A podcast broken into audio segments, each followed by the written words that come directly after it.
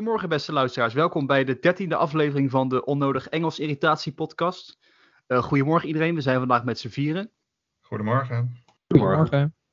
Ik zal even een overzicht geven van welke onderwerpen we het vandaag gaan hebben, dat is voor uh, de duidelijkheid. Uh, we beginnen natuurlijk met het binnenland. Allereerst gaan we het hebben over de PvdA en GroenLinks fusie, die dit weekend uitvoerig besproken is. Ja, vervolgens gaan we toch naar het buitenland en dan kijken we natuurlijk nog naar Afghanistan. En dan wil ik het eigenlijk vooral hebben over de politieke gevolgen, zowel in, in Nederland, maar ook als, uh, als in Amerika. Um, daarna snijden we nog heel kort even het uh, onderwerp aan van de Duitse verkiezingen, want gisteren was er een belangrijk verkiezingsdebat. Uh, we gaan natuurlijk binnenkort, als het de, de, verkiezingen zijn pas over vier weken, dus binnenkort gaan we nog wel een keer langer aan wijden, maar ik wil het onderwerp wel even aansnijden. En na natuurlijk sluiten we af met uh, vandaag in de geschiedenis op deze 30 uh, augustus. En dan kijken we naar de, de slag, bij, bij slag bij Tannenberg. Maar om te beginnen, allereerst het binnenland. Natuurlijk de fusie. En ja, ik, ik kan hem al gaan introduceren, maar ik wil eigenlijk vooral van jullie weten van hoe hebben jullie naar gekeken en zien jullie de mogelijkheden in? Dus vertel. Wie, wie wil als eerst? George. ja, ja, ik mag. Um, nou, ik, allereerst uh, uh, viel het in mijn lijn der verwachting dat uh, de PvdA en GroenLinks zoiets gingen voorleggen aan hun leden. Um, opvallend is wel natuurlijk dat PvdA nu heeft gezegd tegen de leden: ja, het is geen helemaal, niet helemaal een fusie, want dat is nog veel te vroeg. Maar we willen alleen met de formatie samenwerken. Want ja, we doen ook al heel veel in de Kamer samen. Dus dit is een logische volgende stap om dan de samenwerking uit te breiden. Maar het mooie is natuurlijk wel dat uh, links wil dus wel een soort van samenwerken om het soort van één blok te maken waar Mark Rutte dan mee moet onderhandelen. Maar ik heb nog steeds het gevoel dat Mark Rutte uh, eigenlijk soort van nog steeds de schuldige is die niet helemaal toch wil dat ze erbij komen. Terwijl ze wel heel erg hun best doen. Uh, dus dat vind ik wel opvallend dat je wel ziet dat links is aan het bewegen een soort van om zich aan Mark Rutte te gaan conformeren. Maar Mark Rutte lijkt nog niet echt helemaal te porren te zijn om ook daadwerkelijk die samenwerking op te gaan zoeken om tot die coalitie te gaan komen. Ja, dit, uh, Mike, uh, als je yeah. NOS-bericht hebt gelezen, dan ontstaat er een beeld van alsof iedereen dat wil, zowel in de PvdA als in de GroenLinks. Uh, volgens mij ligt het wel wat genuanceerder. Hè? Nou ja, kijk, volgens mij zijn de P van de Aars ook met name. Uh, bang om hun, zeg maar, hun oude kleuren te verliezen. Hè? Want de PvdA is best een trotse partij. Als je kijkt van waar ze komen, ook historisch gezien. Uh, was het gewoon heel lang een van de grootste partijen van het land. En nu zijn ze klein. En uh, ze zouden er heel goed aan doen om te fuseren. Maar ik heb toch het idee dat er nog wel een paar hardhoofdige mensen tussen zitten. Die denken van ja, maar wij zijn toch de PvdA. Waarom gaan wij fuseren met dat groepje radicale GroenLinksers? Hoewel ze het inhoudelijk natuurlijk wel met elkaar eens zijn. Ja, en dan is natuurlijk nog de vraag waarom niet gelijk de SP erbij betrekken. Als, je echt een, als het echt gaat om het vormen van een linksblok. Ja, dat lijkt mij een heel goed idee. Want nu is het inderdaad wat George meer ook zei. Het is nu bijna meer alsof het is alleen maar om uh, Mark Rutte een beetje te, te paaien, om zo maar te zeggen. Als je ja, het echt... natuurlijk wel om sterker ja. te staan in inderdaad in de, uh, in de hoofdstroompolitiek, in de establishment ze doen het niet per se om als algeheel sterker te staan. Want dan zouden ze inderdaad de SP erbij moeten nemen. Maar de SP zegt heel duidelijk: wij horen niet bij de establishment. Dus die kun je er inderdaad niet bij hebben. Maar het is niet per se voor Mark Rutte hoor. Want het, kijk, als je nu fuseert, heb je op de lange termijn ook nog allerlei voordelen daarvan.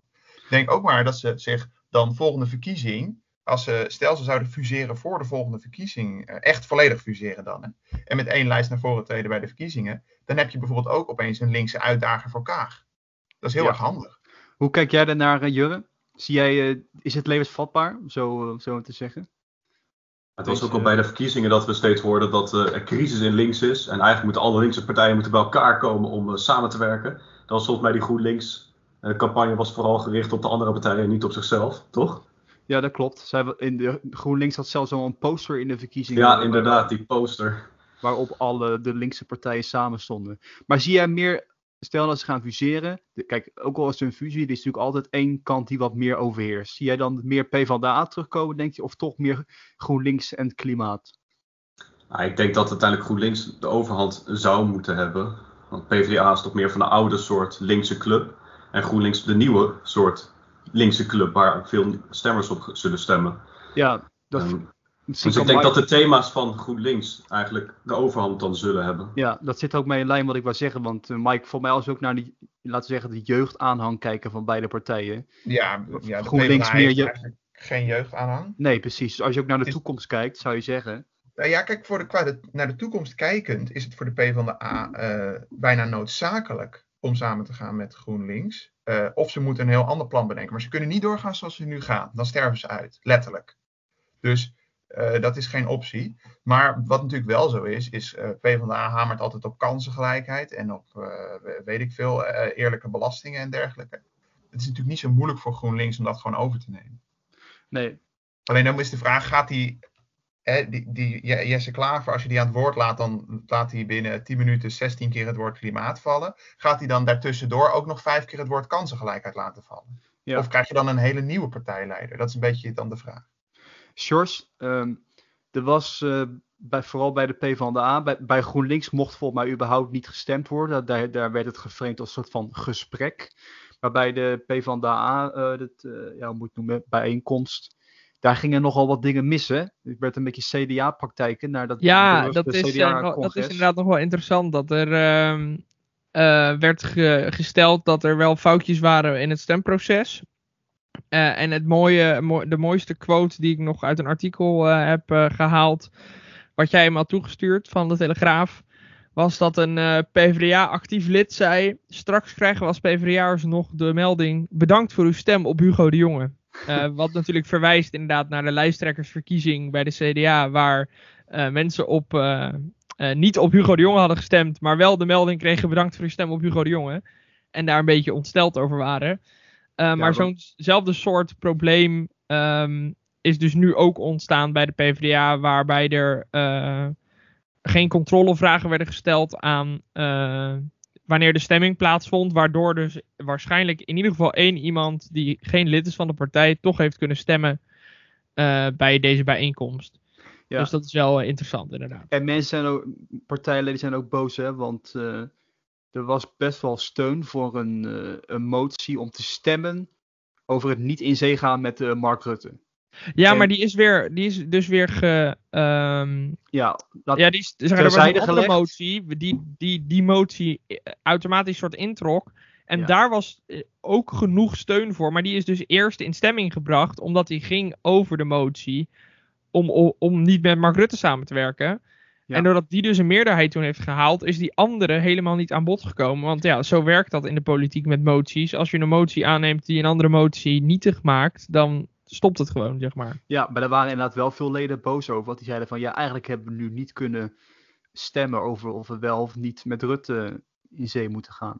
Ja, maar eigenlijk hebben ze dat dus in mijn optiek wel gedaan door die andere motie aan te nemen. Hebben ze eigenlijk gezegd, ja, we vinden niet dat we ons hierover moeten uitspreken. Dat is wat ik eruit heb gehaald in ieder geval als outsider. Ik, eh, nou ja, we gaan er dus nu vanuit dat de PvdA en de GroenLinks inderdaad, fuseren is misschien niet het goede woord, maar ze gaan gewoon heel hecht samenwerken. Kunnen we dan nog wel zeggen dat, eh, ja, kijk, CDA en eh, D66 en de VVD moeten dat natuurlijk ook willen. Gaat dit nou echt in de formatie een andere snelheid teweeg brengen of gaat het niks veranderen aan het proces? Wat, wat, wat denken jullie? Sjors, wat denk jij? Gaat dit... eh, Ja, ver- het is een beetje lastig, want het ligt eigenlijk vooral... Ik heb na- net ook toevallig de podcast van eh, Xander van der Vulp en ehm, Mhm, ja, Joost de, Vullings even geluisterd. de, st- de stemming. Ja, de stemming inderdaad. En ehm, daarin wordt er ook, zeggen zij ook wel van dat eigenlijk is het nog steeds Mark Rutte die een beetje in de weg staat voor eh, het kabinet. Want Mark Rutte doet ook een beetje van alsof er niks aan de hand is en hij weet niks. Oh, hij kan geen uitspraken doen over de formatie. Het lijkt me een beetje erop alsof Mark Rutte met te veel dingen bezig is naast de formatie. Om echt invloed te hebben en echt na te denken over die formatie. Terwijl hij juist degene is die nu de knoop moet doorhakken. Wil ik met links of wil ik niet met links? Want dan gaan de rest van de partijen volgen. Ja. Van D66 weten we het. En het CDA gaat waarschijnlijk mee met wat Mark Rutte zegt. Ik denk niet dat die daar heel erg veel schennis gaan sto- stoppen, eh, schoppen uiteindelijk. Zeg Ja. maar. Dus Ehm, het is een beetje een kwestie van wat gaat Mark Rutte de komende week nu doen. En dat is zo onvoorspelbaar dat ik daar geen uitspraak over durf te doen, zeg maar. CDA en VVD kunnen anders ook wel fuseren als ze toch altijd maar Rutte volgen. Dat is wel uh, kritiek van veel, uh, veel mensen, ja. Mooie kritiek. Mooie, dat het CDA misschien wel iets te slaafs achter het VVD aanloopt. Um, wil een van jullie nog iets over kwijt over dit, uh, dit onderwerp? Of volgens mij niet. Ik ben nog wel vragen oh, aan Jurren nog één ding daarover. Zou jij, zou jij, zou jij persoonlijk liever een, een klaver of een of toch die mevrouw van de PvdA. Het is ook weer mevrouw Ploemen. Zou je liever, welke van die twee zou jij liever... Als, ik, als... ik, heb op beide nog nooit gestemd hoor, als je dat bedoelt. maar zou, jij zou je een voorkeur hebben voor een van de twee of niet? Of wie, wie denk je dat het meeste succes toch heeft bij het grotere publiek?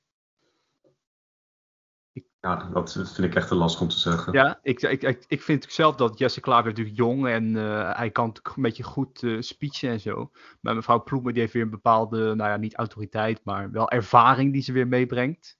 Ja, dat wil ik aan het zeggen. Ze heeft, Ploemen heeft wel er de ervaring, ervaring maar Klaver heeft natuurlijk meer het elan, om het zo maar te zeggen. Ja, nou, ik, volgens mij moeten ze gewoon allebei lekker wat anders gaan doen. Nou, dat is als ze echt mooi, willen uh... winnen, dan moeten Al dus de stem van een uh, rechtse stemmer. Nee, maar als ze echt willen winnen, moeten ze Abu Talib als partijleider krijgen. Dat is wel ja, maar Abu Talib wil gewoon lekker in Rotterdam blijven. Ja, dat, dat weet ik. Toch?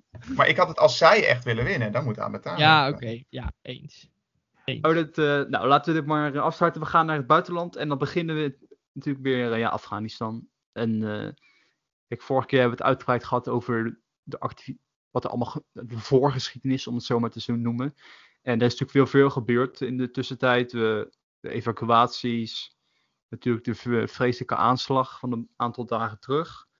Um, ja, dat kunnen we allemaal weer gaan bespreken tot een detail, maar dat, dat leek me niet goed plan. Het leek me eerder toch een beter plan om te kijken naar soort van diepere analyse, namelijk gewoon de politieke gevolgen. En dan wou ik ook specifiek kijken naar Nederland en Amerika. En dan om te beginnen in Nederland, want er is natuurlijk veel terecht gedoe over de vraag van heeft de Nederlandse regering wel op tijd haar mensen daar weggehaald. En dan hebben we natuurlijk niet alleen over Nederlands ambassadepersoneel, maar ook gewoon over de tolken en iedereen die voor ons daar gewerkt heeft, hoe lang dan ook. En uh, ja, er is natuurlijk inderdaad nu veel uh, kritiek, want er lag al tijd lang een motie om die mensen een maand eerder al weg te halen. Die heeft het kabinet, ondanks dat de motie was aangenomen, naast zich neergelegd. In tegenstelling tot bijvoorbeeld Frankrijk, die wel al veel eerder is begonnen te evacueren. En nu is daardoor toch de positie van vooral Kaag, maar natuurlijk ook uh, van mevrouw Bijleveld van uh, Defensie, vooral die twee, die is wel uh, een beetje op losse schroeven komen te, te zitten. En ik voel me af, jongens, hoe, hoe, erg is dit voor, voor hen tweeën en hoe, hoe serieus is dit? Mike, wat, wat vind jij? Um, voor hun tweeën. Nou, dat ligt een beetje aan hoezeer de druk wordt opgevoerd. En ik merkte in de media wel dat de druk uh, fix werd opgevoerd de afgelopen tijd.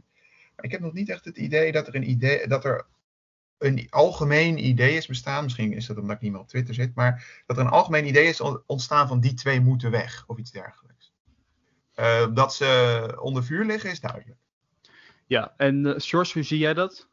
Nou ja, um, dat ze onder vuur liggen is duidelijk. Daar ben ik het met Mike zeker mee eens. Um, wat wel opvalt is dat um, als je kijkt naar wat, wat wordt er dan gedaan om zeg maar deze bewindspersonen soort uit het vuur te halen. Dan zie je wel dat Kaag nu gaat afreizen naar het Midden-Oosten om toch te gaan kijken naar wat er eventueel nog mogelijk is voor die mensen. Ja. En dat er zo op die manier wel een beetje aan damage control wordt gedaan voor Nederland en het ministerie uh, van Buitenlandse Zaken. En dat je ziet dat uh, Bijleveld eigenlijk een soort van, ja, die moet maar de klap in Nederland dan een soort blijkbaar opvangen. Uh, omdat, ja, zij is geen minister van Buitenlandse Zaken en de minister van Defensie gaat natuurlijk niet zomaar naar een oorlogsgebied toe. Dat is niet te doen gebruikelijk, zeg maar moet ook wel toegeven, persoonlijk, dat natuurlijk, eh, kijk, Kaag heeft ook wel een paar klappen gehad, maar die heeft altijd nog wel gewoon natuurlijk de ervaring en het charisma om het op te vangen eh, en om gewoon de mannetje te staan, ook in die debatten. Nou ja, dat. En, en ze, kan, ze heeft heel goed duidelijk uitgelegd uh, waarom Nederland zo laat is geïnformeerd, bijvoorbeeld door Amerika. Ja. Um, en dat, dat ze gewoon zegt, ja, we hadden het misschien wel eerder gewild, maar... Uh, uh, we hadden ook de informatie niet die we nodig hadden. Kijk, dat ze die motie naast zich neer hebben gelegd, dat vind ik echt absurd. Dat uh, hadden ze gewoon moeten uitvoeren. Maar goed, dat is nou eenmaal gebeurd. Uh, en ze doet nu wel dus aan damage control door ja. daarheen te gaan. En ze gaat dus in ieder geval, wat ik nu heb gelezen, naar Qatar, Pakistan en Turkije. Dat is goed. Ehm, dus ze gaat naar de landen eromheen, zeg maar, om te gaan kijken van wat is er vanaf daar mogelijk om toch nog naar bijvoorbeeld Kabul te vliegen of naar andere steden in Afghanistan. Dat is goed. Het eigenlijk wel weer de kanttekening. Er zijn mensen die zeggen op deze manier eh, staat ze straks niet in de Tweede Kamer bij het debat over Afghanistan. Hè? Dus uh, dan is ze weer absent. Zeker, dat is, de, dat is de andere kant. Maar aan de andere kant kan je ook zeggen, ja, ze is ook wel topdiplomaat geweest. Dus ze wil ook wel misschien graag die hands-on experience hebben. Um, en dan staat er dus een staatssecretaris of een andere minister daar in plaats van Kaag. Um, en dan moeten ze het daar maar even mee doen. En Kaag komt vanzelf weer terug. En dan kunnen ze eventueel, als de Tweede Kamer dat wil, kunnen ze altijd een debat aanvragen met Kaag daarover natuurlijk. Ja. Uh, Jurre, hoe kijk, Jurre, hoe kijk jij naar de Nederlandse rol de afgelopen dagen en ook de, reactie, de, de manier hoe wij uh, gehandeld hebben? Nou, over Kaag heb ik vooral het gevoel van ze doet eigenlijk iets. Want vorige week maandag, of uh, die week daarvoor, wanneer viel Kabul? Was het al twee weken geleden? Ja, anderhalve week, zoiets. Ja, toen uh, had je natuurlijk Bijleveld die uh, gezellig zei... Nou, ik heb net naar de Slag om de Schelde gekeken. Een heel indrukwekkende film. En op dat moment viel Kabul. Dus dat was ook niet uh, al de beste indruk. En twee weken geleden. Vijftien weken geleden officieel. Ja. En uh, Kaag de dag daarna die was met PvdA en GroenLinks aan het praten. Op het moment dat Kabul was gevallen. Dat, en dan heb ik het gevoel heet het gehad van... Oké, je hebt zoveel jaren aan diplomatieke ervaring en uh, in de VN. En ja, laat dat dan zien. En dus ik ben wel blij dat ze dat nu tenminste gaat doen ook. Ja. Alhoewel ze daarvoor ook een erg rare ja, positie innam. Namelijk op de NOS toen ze geïnterviewd werd, zei ze ook... Um, aan het einde van haar reden van... Overigens hebben wij al heel lang een... Um, code rood afgegeven dat je niet naar Afghanistan moet gaan. Dus de mensen die er zitten, eigenlijk geven ze gewoon de schuld aan die mensen dat ze naartoe zijn gegaan. Dat is niet de schuld van haar. Ja, dit, uh, dat vind ik een rare. Dat kan je eigenlijk niet doen, denk ik. Nou ja, er zijn natuurlijk wel een paar mensen die daar zijn, een soort als toerist. En dat vind ik wel, dat wel. Dan, je weet zelf dat je naar zo'n land gaat, dat het gevaarlijk is, dat de situatie daar zo kan omslaan. Maar er zijn natuurlijk ook gewoon mensen die daar zijn om humanitaire hulp te verlenen. Uh, en ja, dan is het code rood. Maar ja, als je humanitaire hulp komt verlenen, ga je naar een code rood land. Dat is zeg maar je hele werk, een soort van. En die mensen laten ze ook nu stikken. Ja, maar alsnog vind ik het wel een rare positie om dat zo in te nemen. Want het is jullie schuld dat je er naartoe zou gaan. Je moet het gewoon ja, oplossen. Precies.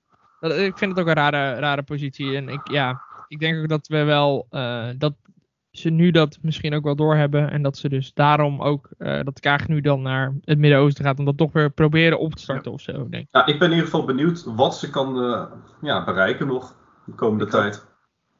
Um, Mike, dit is meer de, de politieke kant van de analyse. Als we nou meer kijken naar de geopolitieke en militaire analyse. Uh, wat laat dit zien over het feit dat bijvoorbeeld de Nederlandse buitenlandse zaken, die was gewoon volledig afhankelijk van Amerikaanse inlichtingen. En die inlichtingen bleven fout, waardoor wij vervolgens ook in de problemen kwamen. Wat zegt dit over de afhankelijkheid van Nederland als het gaat aan, militair van bijvoorbeeld Amerika? Ja, nou, het, het gaf vooral aan met die inlichtingen dat um, Nederland ook niet de wil heeft om zelf iets te regelen. Dat het gewoon is, oh, de Amerikanen zeggen dit, dus dan doen we dit. En vooral bij internationale missies. Uh, kijk, Nederland is in veel opzichten gewoon een vazalstaat van Amerika. Uh, maar uh, hier werd het wel heel duidelijk. Ja, er zijn nu ook veel mensen die zeggen van, ja, daar moet inderdaad, uh, Nederland moet militair zelf meer gaan doen. Ik las een groot artikel dat een Europees leger, dat ja, voor D66 is misschien de oplossing, maar dat voor vele topdiplomaten zien dat juist niet als de oplossing, omdat het heel stroperig gaat in Europa. Je kan beter een soort van samenwerking hebben tussen bijvoorbeeld vier Europese landen, zou je zeggen, want Nederland werkt samen met België, Duitsland en Frankrijk, zoiets, om uh, dan militair in te grijpen. Maar ik denk dat dit wel weer op de, gewoon het militaire onderwerp wel weer op de kaart zet van, uh, kijk, je moet die vliegtuigen ook gewoon hebben, anders kon je die mensen ook niet ophalen. Je moet ook gewoon personeel hebben, dus er moet ook gewoon geld naar defensie. Je kan dat niet, niet verwaarlozen, zomaar. Ik denk dat je het daar wel mee eens bent, Mike. Dat je dat niet zomaar... Uh, ja, absoluut. En wij verwaarlozen dat natuurlijk wel. Kijk, je kan zeggen, de Amerikanen pompen bizar veel geld in het leger. Maar ja, daardoor kunnen ze wel wereldwijd meedoen. Dat is blijkbaar wat nodig is om mee te doen. Ja. Maar vergeet Europa... niet, de Amerikanen pompen er wel heel veel geld in. Maar wij pompen er niet genoeg in, inderdaad. Want ja. we, waarom halen we niet gewoon die 2% norm? Want dat zou kunnen. Uh, maar dan krijgen we een groter begrotingskort. Ja, maar dan hebben we wel inderdaad die militaire intelligence die we mogelijk nodig gaan hebben de komende jaren. Je moet Ja. misschien het, het Europese leger net zo inrichten als het leger van het Heilige Roomse Rijk. Dus dat je elk, elk eh, gebied heeft een eigen kruis en die vormen dan een eigen leger. En als je dan gaat vechten, dan gaan ze samen. Ja, dat, zou, dat wordt in het artikel ook een beetje gezegd. Je moet gewoon landen hebben die met intensief samenwerken. Dus bijvoorbeeld wat Nederland nu doet. Hè, wij maken gebruik van Duitse tanks. En vervolgens de Duitse marine maakt gebruik van een aantal schepen van ons. Nou, dat zou je gewoon verder moeten intensiv- intensiveren op die manier. En dan niet één Europees leger dat je zegt van... Alles wordt ontbonden, al je tradities. eh, Het wordt allemaal één, één, op één hoop gegooid. Nee, gewoon elk legertje nog apart, maar wel intensief samenwerken. Dat Zeker. En dan, eh, dan kijk, wat ik, waar ik ook niks in zie persoonlijk is zeg maar dat je een, dan een EU-generaal of zo zou hebben. Maar dat, want die structuur hebben we al, namelijk de NAVO. ja, ehm, zeker. Gewoon een NAVO-generaal dan eventueel aanstellen, eh, die dan dus over zo'n gezamenlijk leger, zo'n gezamenlijke legereenheid dan zou gaan bepalen. Eh, wat, wat ze gaan doen, wat hun rol is eh, in vredes- en eh, oorlogstijd inderdaad.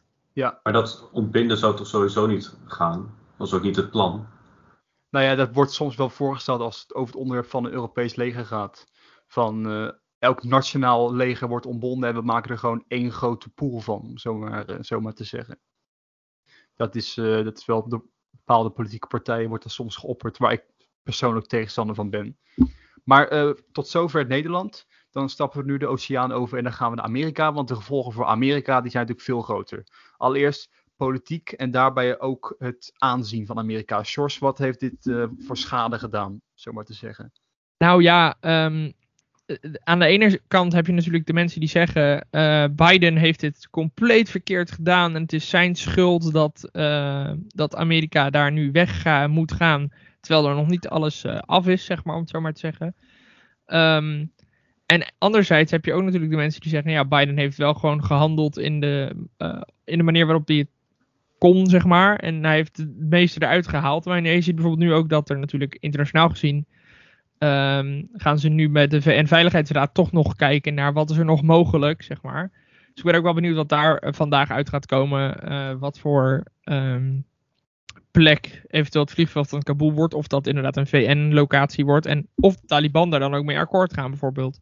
Dat is altijd wel weer leuk aan de Amerikaanse politiek. Dat het, ehm, het is of volledig de fout van Trump, of volledig de fout van Biden. Er is geen, Ja. er is geen middenweg. Er is geen middenweg met dat, dat ze wel allebei een foutje hebben gemaakt of zo. Nee, Kijk, het is kan, of eh, Biden of Trump. Kijk, Trump heeft die deal natuurlijk gesloten met de Taliban. Daar kon je al eh, kritiek op hebben. Van waarom sluit hij die, eh, die deal en vervolgens waarom voert hij hem niet zelf uit, maar schuift hij het dan voor zich uit tot de volgende president? Nou, dan Mhm. kan je weer zeggen dat heeft, dat is een fout van Trump. Je kan natuurlijk ook weer zeggen, ja, Biden die is zelf president. Die heeft meerdere deals van Trump verbroken. Waarom moest hij dan deze zo nodig wel uitvoeren? Dat kan. Nou, heeft hij wel gedaan. Hij heeft hem uitgevoerd. Dan kan je nog zeggen van de uitvoering zelf kritiek op. Hè? Bijvoorbeeld waarom moest dat militaire vliegveld van Bagram, waarom moest dat als allereerste geëvacueerd worden? Terwijl Amerika daar juist een prachtige plek had om vanuit daar geordend te evacueren. Nou, hè, dat, is een, dat is een kritiekpunt.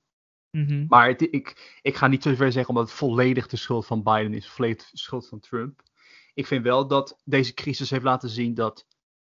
Kijk, de Amerikaanse president is natuurlijk niet alleen een politiek leider, maar ook een militair leider. Dus dat vind Mhm. ik persoonlijk altijd. Dan moet je ook iemand hebben die daar staat met kracht en vuur. En iemand die sterk optreedt, waarbij je het gevoel hebt van: dit is een echte leider.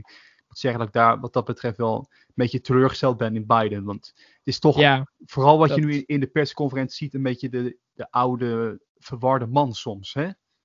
Ja, Dat dat, ben ik wel inderdaad met je eens dat dat wel. ehm Biden is niet heel sterk inderdaad in zijn ehm, in hoe die hoe die alles eh, doet op dit moment.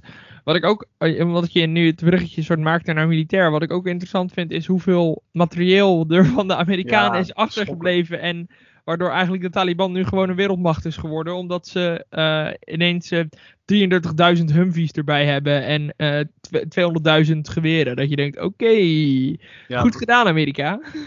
Ja, dat Mike, het is nu ook een hele rare situatie. Hè? Dat, laten we zeggen, anderhalve week geleden bombardeerde Amerika nog de Taliban. En nu werkt Amerika, Amerika een soort van samen met de Taliban tegen, die, tegen de IS in Afghanistan. Het is een hele vreemde ze hebben ook geen situatie.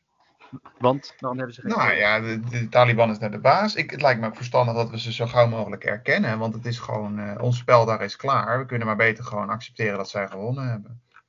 En dan, uh, wat, en dan niet, niet afwachten van hoe ze zich bijvoorbeeld opstellen tegenover de positie van de vrouw of weer van die lijfstraffen. Gewoon, ja, maar gaan we dan zeggen, ja, we erkennen deze regering niet, want ze laten meisjes niet in school gaan. We erkennen Saoedi-Arabië ook. Dat is waar, dat is, goed, dat is een goed punt. Ja, dat, daar is het ook niet mals, om zo maar te zeggen. Nee. Um, Jurre, hoe kijk jij naar de, de rol van Amerika de laatste dagen? het is vooral een, een rampzalig einde aan een kansloze politiek van 20 jaar. Uh, we gaan Afghanistan democratiseren en uh, ja, dat, dat werkte natuurlijk niet. Maar inderdaad, dezelfde mening over dat die strategische keuzes, of die, nou, hoe zou noemen, tactische, logistieke keuzes, uh, van een, een vliegveld evacueren. En uiteindelijk gaan we alleen maar naar Kabul, waar we nog één klein plekje hebben om weg te gaan. Ja. Dat was nou niet al te slim. Nee, dat klopt. Um, en uh, dat zie je ook terug in de cijfers bij Biden, de populariteitscijfers. Die uh, gaan achteruit. Ja, en dan heeft het uiteindelijk is dan die, kan je zeggen, is het de schuld van Biden? Of zijn het al die presidenten die ervoor, vanaf Bush, die daar naartoe zijn gegaan en dit hebben bedacht? En dan is het steeds de volgende president die er wat mee gaat doen. En ja. Biden is dan degene die zegt: Oké, we kappen er helemaal mee. En hij krijgt dan alle shit over zich heen. Ja, dat vind ik ook wel dat wel gezegd moet worden. Het is inderdaad een proces van wat 20 jaar geduurd heeft. Dus daarom zei ik al in het begin: het is ook niet fair om volledig de schuld gewoon bij Biden in, uh, in zijn schoenen te schuiven. Dat zie je vooral. Alhoewel we ja. wel echt een gigantische lijst kunnen opstellen van alle fouten die er zijn geweest. Maar dat kan je dan indelen van uh, echt al van in die 20 jaar. En dan aan de uh, de fouten die zijn gemaakt voor de Afghaanse kant. Dat de Afghaanse regering geen idee heeft wat er in het land speelt. Dat die denken dat, wij al, dat ze al een, liberaal land zijn. En iedereen die is westers. Uh, naar een, uh, um, het niet betalen van de soldaten bijvoorbeeld. Maar ook de fouten die Amerika heeft gemaakt door de jaren heen. Ook aan het einde. En uiteindelijk zullen we ook misschien zelfs kijken wat wij als Nederland als fout hebben gemaakt. door daar mee te doen. Ja, er zullen wel flink wat, uh, wat onderzoeken over uh, gehouden worden. Maar het is natuurlijk, om mee te eindigen, is natuurlijk uh, diep triest dat de 12 of zelfs 13 volgens mij inderdaad Amerikaanse soldaten overleden zijn hè, bij die vreselijke aanval van Ja, IS, maar dat ISK. is natuurlijk wel een ding um, dat het vliegveld werd bewaakt door Amerikaanse militairen. En de kans dat dan, als er iets gebeurt aan de kant, zijkanten van het vliegveld het wordt bewaakt. Dus die mensen stonden daar gewoon letterlijk. Uh, waarschijnlijk Oh, ja. op muren stonden ze waarschijnlijk de boel in de gaten te houden. En, of voor de muren of iets dergelijks. Aan de kant van het vliegveld dan, zeg maar.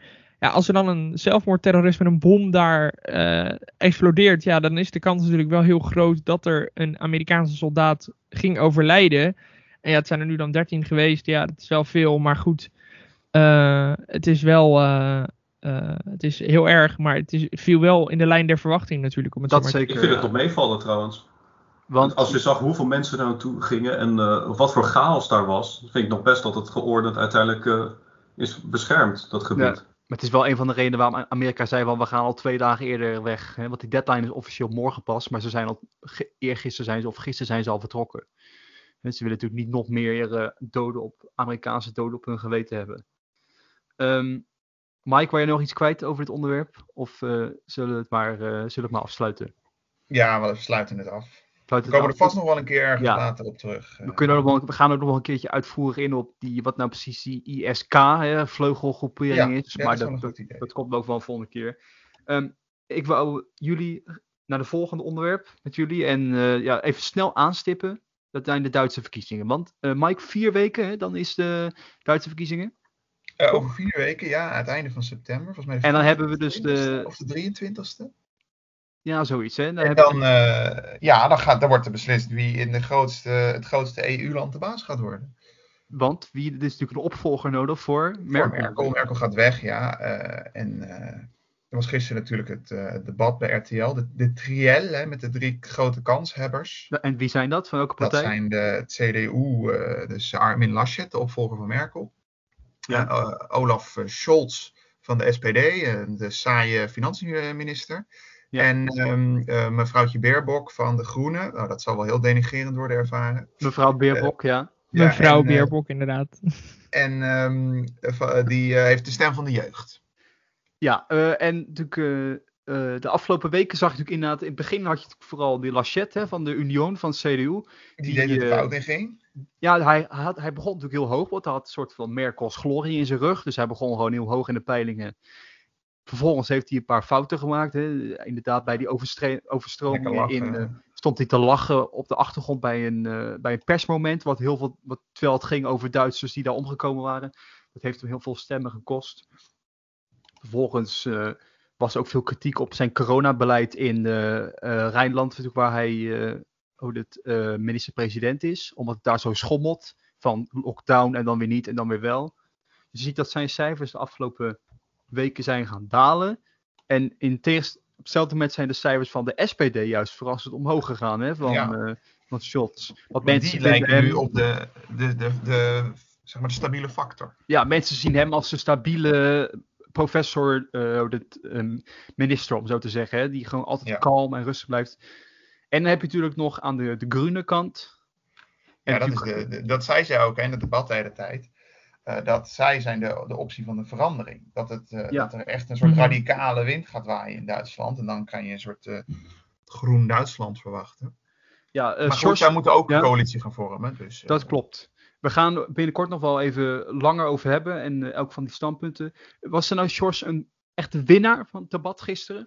Nou ja, dat is dus interessant. Um, Nederlandse bronnen, zeg maar. Je hebt de NOS en uh, nu.nl uh, en het AD. En eigenlijk zijn ze allemaal een beetje uh, twijfelachtig. Behalve nu.nl. Nu.nl zegt Scholz heeft gewonnen. Want uh, iets van 36% van de kijkers vond dat Scholz had gewonnen. Maar 36%. Ja, van de focusgroep, hè? Die zouden. Ze hadden of, ja, van nou, ook... gehaald. En ja. die vond 36% Scholz in ieder geval het beste van het. Ja, maar 36% is natuurlijk geen overduidelijke overwinning of zo. Want dat betekent dat de anderen ook nog, zeg maar.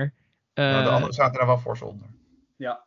Ja. Ik vond ook persoonlijk dat. Uh, ja, Scholz, inderdaad, hij bleef gewoon heel kalm en rustig. En ja, Laschetti probeerde. Hij was heel offensief. En uh, probeerde. Want hij, ja, hij, hij merkt natuurlijk dat de peilingen dat hij achteruit gaat. Dus hij probeerde gewoon met, wat, een andere rol dan normaal. Dus hij was wat aanvallender. En hij confronterend ook. Dat hij bijvoorbeeld bij Scholz uh, vroeg van... Uh, gaan jullie nou wel of niet samenwerken met de, de communisten, met die linken?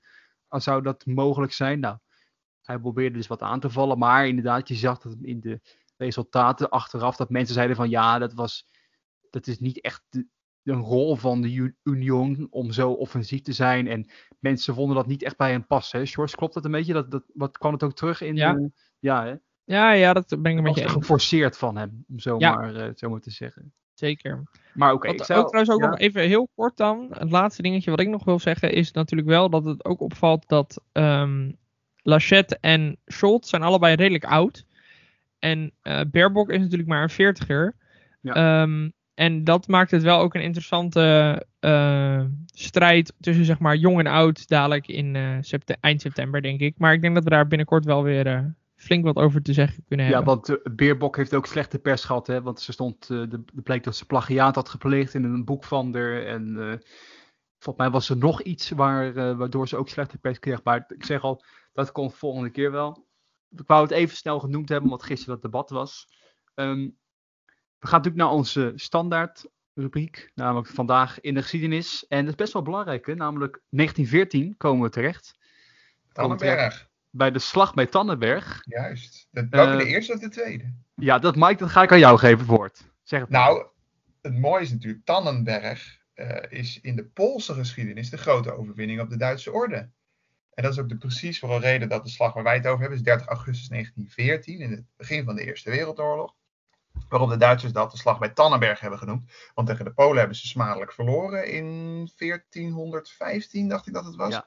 En dan in 1914 halen ze een mooie overwinning op de Russen. Nou, die zien ze natuurlijk een beetje een raciale tijd. Dus die zien ze als medeslaven. Dus dan hebben ze een klein beetje hun vorige verlies goed gemaakt. Ja. Wat, wat gebeurt er nou? De Duitsers hebben in uh, 1914 hebben natuurlijk het Schlieffen-plan.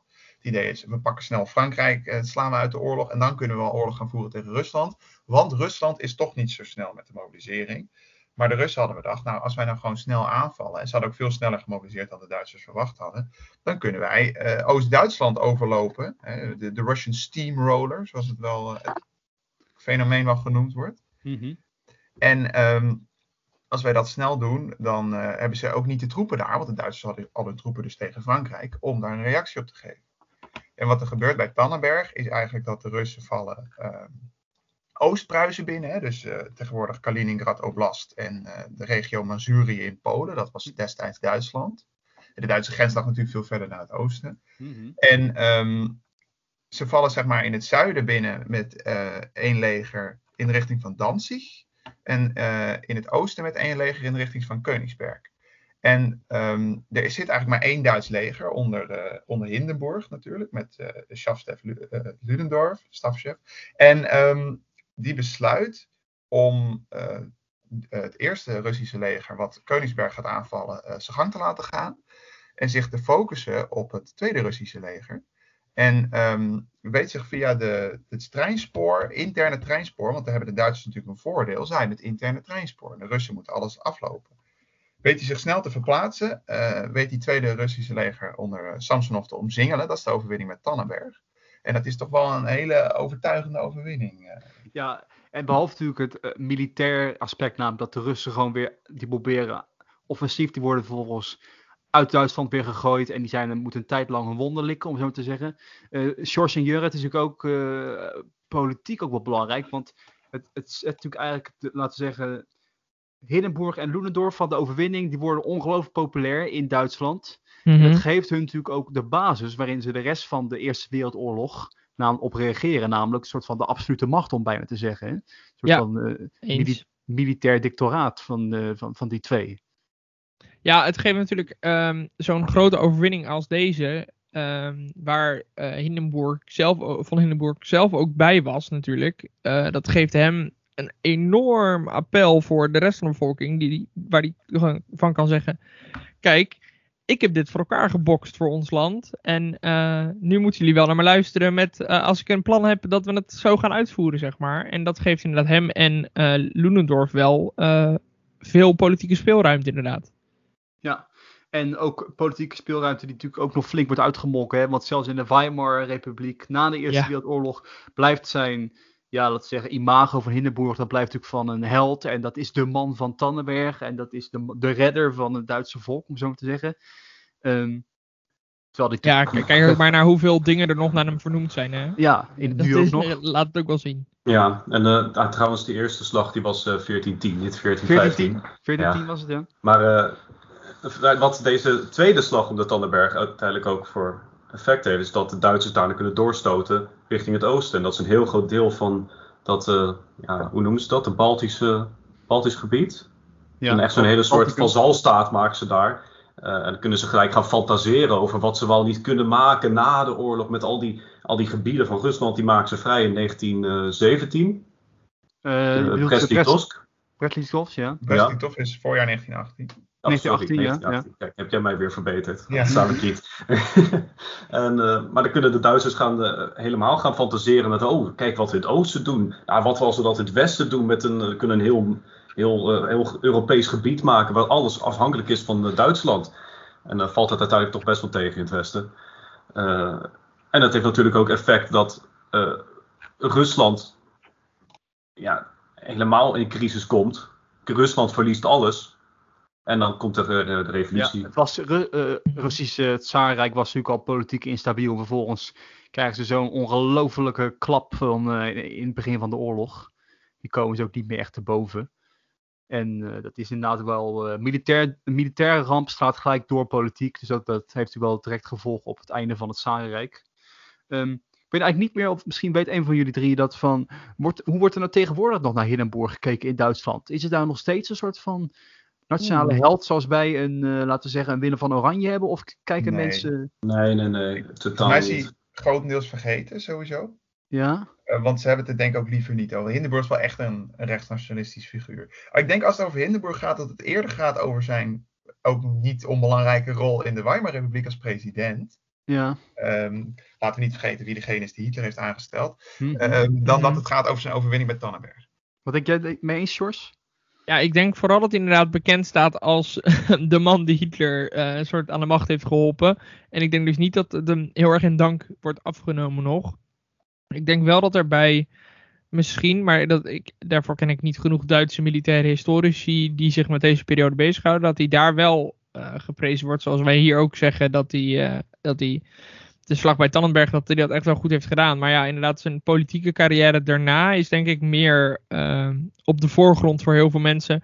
Als ze hem al kennen. Want daarna krijg je natuurlijk voor Duitsland is de Tweede Wereldoorlog nog steeds het belangrijkste. Ja, maar het is wel wat mij zei, er zijn ook wel heel veel straten nog in Duitsland vernoemd naar hem bijvoorbeeld. Ja, dat klopt. Dus hij wordt wel, het is wel zo na de Tweede Wereldoorlog dat de Duitsers eigenlijk zichzelf ook een beetje hebben gedwongen om niet meer uh, naar het verleden te kijken. Naar de, naar de glorieuze tijd van de Pruisische Rijk, of van Pruisen en de, van het Duitse Rijk. Uh, en daardoor zijn dat soort personen zijn gewoon vergeten geraakt, inderdaad. Ja, klopt. Of daar willen ze niet meer gaan over na gaan denken in angst voor een uh, eventuele uh, neonazische verering daarvoor. Ja, het ging altijd met, altijd met schaamte gepaard en met daar moeten we maar niet te veel naar terugkijken, et cetera. Nou, um, voor mij hebben we alles uh, behandeld voor vandaag. ik wil jullie bedanken voor deze goede, goede uitzending en de luisteraars natuurlijk voor het luisteren. En we zijn er over één of twee weken zijn we er weer. En dan gaan we het ook dieper kijken naar de Duitse verkiezingen. Misschien is onze goede vriend Dane zelfs bij, onze Duitsland-expert. Zullen we wel zien. Maar voor nu zeg ik bedankt en uh, tot de volgende keer.